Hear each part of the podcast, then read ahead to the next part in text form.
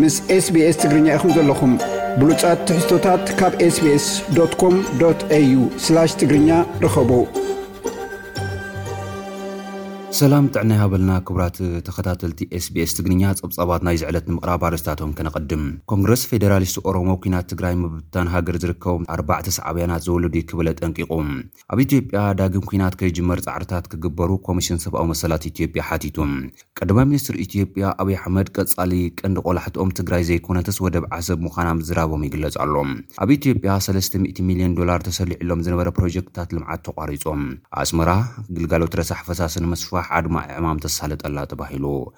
ኣርስታት ዜና ክትከታተሉ ጸኒሖም ክቡራት ሰማዕቲ ናብ ዝርዝራቶም ክንሓልፍ። ኮንግረስ ፌደራሊስት ኦሮሞ ኩናት ትግራይ ምብታን ሃገር ዝርከቡም ኣርባዕተ ሳዕቤናት ዝወለዱ እዩ ክብል ኣጠንቂቑ። ኮንግረስ ፌደራሊስት ኦሮሞ ኮቪድ-19 ካብ ዝጅምር እንዳሓር ንፈለማ እዋን ብመገዲ ኣመራርሑ ሰፊሕ ጋዜጣዊ መግለፂ ሂቡ ኣሎ። ኣብ መግለፂኡ ከምቲ ዝሓለፈ ዓመት ኣብ መረፃ ተደፊእና ዝወፃናዮ ሎም እውን ካብቲ ሃገራዊ ምይጥ ክንወጽእ ንኽእል ኢና ክብል ተዛሪቡ። ኣብ ኢትዮጵያ መጺኡ ዝነበረ ፖለቲካዊ ለውጢ ብግቡእ ስለ ዘይተመርሐ እታ ሃገር ናብ ኲናት ከም ዝኣተወት ብምግላጽ፣ ኲናት ትግራይ ምብታን ሃገር ዝርከቦም ኣርባዕተ ሳዕቤናት ዝወልድ'ዩ ክብል ኣጠንቂቑ ኣሎ። ኣቦ ወንበር ናይቲ ውድብ ፕሮፌሰር መረራ ጉዲና ኣብ ዝሃቦ መብርሂ፣ ኣርባዕተ ተኽእሎታት ኲናት ትግራይ ብምቕማጥ ዕድል ናይታ ሃገር ዝውስኑ ክኾኑ ከም ዝኽእሉ ኣብሪሆም። እቲ ናይ መጀመርያ ናይ ምዃን ተኽእሎ ዝበልዎ ቀዳማይ ሚኒስትር ኢትዮጵያ፣ ኣብ ልዕሊ ጸላእቶም ንዝበልዎም ሓይልታት ብሓይሊ ስዒሮም ነቶም ካልኦት እውን ጨፍሊቖም ከምቲ ኣብ ደርግን ኢህወደግን ዝነበረ ምሕደራ ናይ ምምጻእ ተኽእሎ ከም ዝኸውን እዮም ሓቢሮም። እቲ ካልኣይ ክኸውን ይኽእል እዩ ዝበልዎ ተኽእሎ ከኣ ነዚ ዝጻረር ኮይኑ ሰራዊት ትግራይ ምስ ሰራዊት ናጽነት ኦሮምያን ዕጡቓት ቤንሻንጉል ጉሙዝን ካልኦትን ንመንግስቲ ኢትዮጵያ ስዒሮም ኣብታ ሃገር ሓዱሽ ፖለቲካ ናይ ምምፃእን ዘይምምፃእን ዓቕሚ ዝፍተንሉ ኩነታት ከምዘሎ ኣብሪሆም። እቲ ሳልሳይ ፖለቲካዊ ጥፍሽና ናይ ምኽሳት ተኽእሎ ኮይኑ ተዋጋእቲ ሓይልታት ከይተሰዓዓሩ ከምቲ ሕጂ ዘለዎ እንተቐፂሎም ኢትዮጵያ ከም ዩጎዝላቪያ ትበታተነሉ ሳዕቤን ዘምፅእ ተኽእሎ ምዃኑ ሓቢሮም። እቲ ራብዓይ ተኽእሎ ድማ ካብዚ ዝቕፅል ኮይኑ ኢትዮጵያ ክትቕፅል ዝደልዩ ሓይልታት እታ ሃገር ከም ዩጎዝላቪያ ቅድሚ ምዃና ተጓይዮም ዘድሕንዑ ዕድል ከምዘሎን እቲ ዕድል ኣብ ጥቕሚ እንተዘይውዒሉ ካብ ምብትታን ከምዘይትድሕንን ኣረዲኦም። ኢትዮጵያ ዝሓሸ ዕድል ክገጥማ ብምምናይ ከኣ መንግስትን ዝተዓጥቁን ዘይተዓጥቁን ሓይልታት ኣብ ጣውላ ኮፍ ኢሎም ክዘራረቡ ጸዊዖም። ፕሮፌሰር መረራ ጉዲና፣ መንግስቲ ኢትዮጵያ ኣብ ልዕሊ ትግራይ ዝገብሮ ንዝነበረ ምድላዋት ኲናት ካብ ፈለምኡ ኦፌኮ ይቃወሞ ምንባሩ ብምዝኽኻር፣ ድሕሪ ምጅማር እቲ ኲናት እውን ኣብ ትግራይ ኣብ ዕስራን ሓደን ክፍለ ዘመን ክፍፀሙ ዘይትፅበዮም ገበናት ተፈፂሞም ብምባል ብዘይሻራዊ ኣካል ክምርመሩን ገበነኛታት ክሕተቱን ፀዊዖም ኣለዉ። ብጀካ እዚ ምስ ሰራዊት ናፅነት ኦሮሞ ዘሎ ኲናት መንግስቲ ኢትዮጵያ ብዝርርብ ክፈትሖ ተማሕፂኖም። ኣብ ኢትዮጵያ ዳግም ኲናት ከይውላዕ ፃዕርታት ክግበር ኮሚሽን ሰብኣዊ መሰላት ኢትዮጵያ ሓቲቱ።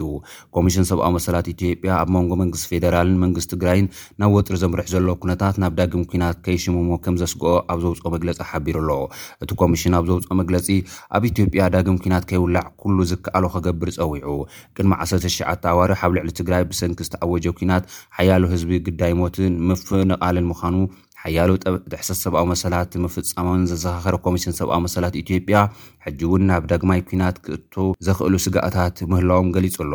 እቲ ኲናት ኣብ ክልላት ዓፋር፣ ኣምሓራን ትግራይን ብሚልዮናት ዝቑጸሩ ዜጋታት ንዝኸፍኣ ከልበትበት፣ ዝፈትዎም ሰባት ክስእኑ፣ ህይወቶም ኣብ ረድኤት ክምርኮስ፣ መሰረታዊ ግልጋሎታት ክሕረሞም፣ ከምኡ'ውን ካልኦት ከበድቲ ማህሰይትታት ይስከሙ ምህላዎም እቲ ኮሚሽን ቅድሚ ሎሚ ኣብ ዝገበሮም ምርመራዊ መጽናዕትታት ብተደጋጋሚ ከምዝተረጋገጸ ኣፍሊጡ እዩ።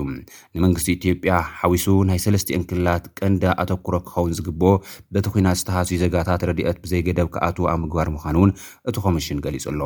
ቅድሚ ሎሚ ኣብ ዝተኻየዱ ኲናት ብኲናት ንዝተሃስዩ እኹል ሓገዝ ከይተገብረ፣ ብኹሉ ወገን ዘለዉ ገበነኛታት ብሕጊ ከይተሓቱ፣ ዝዓነው ትካላት ዳግመ ፅገና ከይተገብረሎም ከምኡ ውን ካልኦት ኣገድስቲ ስራሕቲ ክትግበሩ እንዳተገበ ናብ ካልእ ኲናት ምእታው ግቡእ ከምዘይኮነ ውን ኣብሪሁ ኣሎ።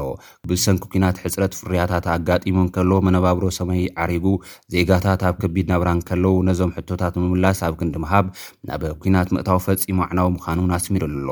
ኮሚስን ሰብኣዊ መሰላት ኢትዮጵያ ዳግም ኲናት ከይውላዕ ፈተውቲ ኢትዮጵያ፣ በይነ መንግስታት ምብራቕ ኣፍሪካ፣ ኢጋድ፣ ኩሎም ኢትዮጵያውያን፣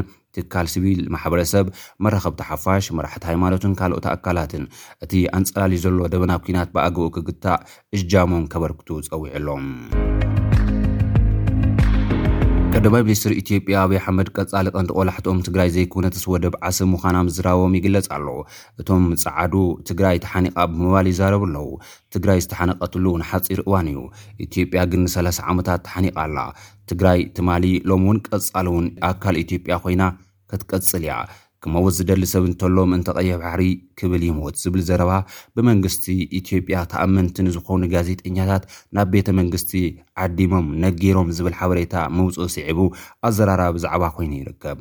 ኣብቲ ትግራይ ሃገርኩም እያ ገፅኩም ንቀይሕ ባሕሪ ግበሩ ዝብል ዘረባ ቀዳማይ ሚኒስትር ኣብይ ኣሕመድ ዝተደረኹ ኢትዮጵያውያን ተንተንቲ ፖለቲካ ስለምንታይ እዩ ቀዳማይ ሚኒስትር ኣብይ ኣሕመድ ቀይሕ ባሕሪ ኢሉ ናብ ካልእ ኲናት ከሽምመና ዝፍትን ዘሎ እዚ ኲናት እዚ ንኢትዮጵያ ኣብ ካልእ ደማዊ ኲናት ከእትዋ ካብ ኢትዮጵያ ሓሊፉ እውን ንኤርትራ እውን ክርምሳ እዩ ክብሉ ይነቕፉ ኣለዉ። ሓያሎ ተንተንቲ ፖለቲካ ድማ ኣብ ኢትዮጵያ ቀጻሊ ዝኾነ ናይ ውክልና ኲናት ክህሉ ከም ዝኽእልን ኢትዮጵያ ዓሰብ ንምምላስ ኲናት ምኽፋታ ዘይተርፍ ምዃኑን ጭብጥታት ኣሰንዮም ይገልጹ ኣለዉ። ንወገን ትግራይ እውን እንተኾነ ህዝቢ ትግራይ ብጥሜት ይሃልቕ ስለ ዘሎ ናይ ግድን ኲናት ክውላዕ ይኽእል እዩ ዝብል ስግኣታት ኣንጸላልዩ ይርከብ። ቀዳማይ ሚኒስትር ኣብይ ኣሕመድ ቅድሚ ሰለስተ ኣዋርሕ ኢትዮጵያ ሎሚ ቀይሕ ባሕሪ ትብል ኣላ ኣይትጠራጠሩ ድሕሪ ዓሰርተ፣ ዓሰርተ ሓሙሽተ ዓመታት ኣብ ካልኦት ርሕቕ ዝበሉ ሃገራት እውን ረብሓ ኣለኒ ክትብል እያ ከምቲ ሕጂ ካልኦት ሃገራት ዝገብርኦ ዘለዋ ማለት እዩ ምባሎም ኣይርሳዕን እዩ። ኣብ ኢትዮጵያ ሰለስተ ሚእቲ ሚልዮን ዶላር ተሰሊዑሎም ዝነበረ ፕሮጀክትታት ልምዓት ተቋሪፁ። ሚኒስትሪ ገንዘብ ኢትዮጵያ ከም ዝሓበሮ ስዑዲ ዓረብ ብ ክልተ ሽሕን ዓሰርተ ትሽዓተን ክተሃንፆም ዝወጠነቶም ሰለስተ ሚእቲ ሚልዮን ዶላር ዝውድኡ ፕሮጀክትታት ፀዓት ኤሌክትሪክ ብሰንኪ ሕፅረት ገንዘብ ይቋረፁ ከም ዘለዉ ኣረዲኡ ኣሎ። እቶም ፕሮጀክትታት ሓይሊ ኤሌክትሪክ ካብ ክልላት ዓፋርን ሶማልን ክህነፁ ዝተሓስቡ ክልተ ሚእትን ሓምሳን ሜጋዋት ሓይሊ ናይ ምፍልፋል ዓቕሚ ክህልዎም ዝተሓስቡ እዮም ተባሂሎም። ቅድሚ ሰሙናት እውን ኢትዮጵያ ኣርባዕተ ሚእትን ኣርባዓን ሽዱሽተን ኢንዱስትሪታት ከምዝዓፀወት ሚኒስትሪ ኢንዱስትሪ እታ ሃገር ኣፍሊጡ ምንባሩ ኣይርሳዕን። ጠንቂ ምዕፃው እቶም ኢንዱስትሪታት ሕፅረት እታወት ገንዘብ፣ ሓይሊ ሰብ፣ መሰረተ ልምዓት ከምዝኾነ እውን ሓቢሩ እዩ።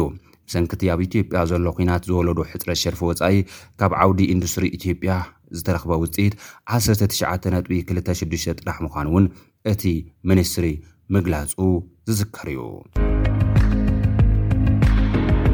ኣስመራ ኣገልግሎት ረሳሕ ፈሳሲ ንምስፋሕ ኣድማዒ ዕማም ተሳልጥ ኣላ ተባሂሉ። እቲ ኣብ ቅንያት ናጽነት ዝተሳለጠ ልዕሊ ሚእትን ስሳን ሓሙሽተን ሚልዮን ናቕፋ ዝወድእ ሓድሽ መስመር ናይ ምውዳድን ምጽጋንን ንጥፈታት ኣብ ሰሜናዊ ክፋል ናይታ ከተማ ምዃኑ ኣብ ክፍሊ ማይ ዞባ ማእኸል ሓላፊ ጨንፈር ረሳሕ ፈሳሲ ጆሜትራ ዮሃንስ ሙሉ ሓቢሮም። ብመሰረት ዝወፀ ውጥን ብልዕሊ ሰብዓን ሓሙሽተን ሚሊየን ናቕፋ ኣብ ሰሜናውን ደቡባውን ክፋላት ከተማ ኣስመራ ኣስታት ዓሰርተ ኪሎ ሜትር ሓደስቲ መትረባት ረሳሕ ፈሳሲ ከምተዋደዱ እውን ኣረዲኦም።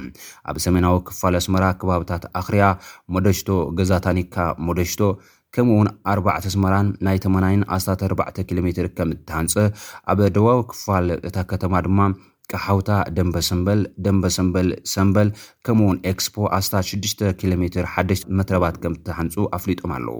ብተወሳኺ ብእርጋንን ምዕባስን ግልጋሎት ኣቋሪጾም ዝነበሩ ኣብ ዝተፈላለዩ ከባብታት ዝርከቡ ካብ ሸውዓተ ሚእቲ ክሳብ ትሽዓተ ሚእቲ ሚሊሜትር ዝስንጣቂቱ ሚእትን ሰብዓን ሽዱሽተን ኪሎ ሜትር መስመራት ረሳሕ ፈሳሲ ልዕሊ ሰማንያ ሚልየን ናቕፋ ወፃኢ ብምግባር ከምእተፀገነ ኣረዲኦም።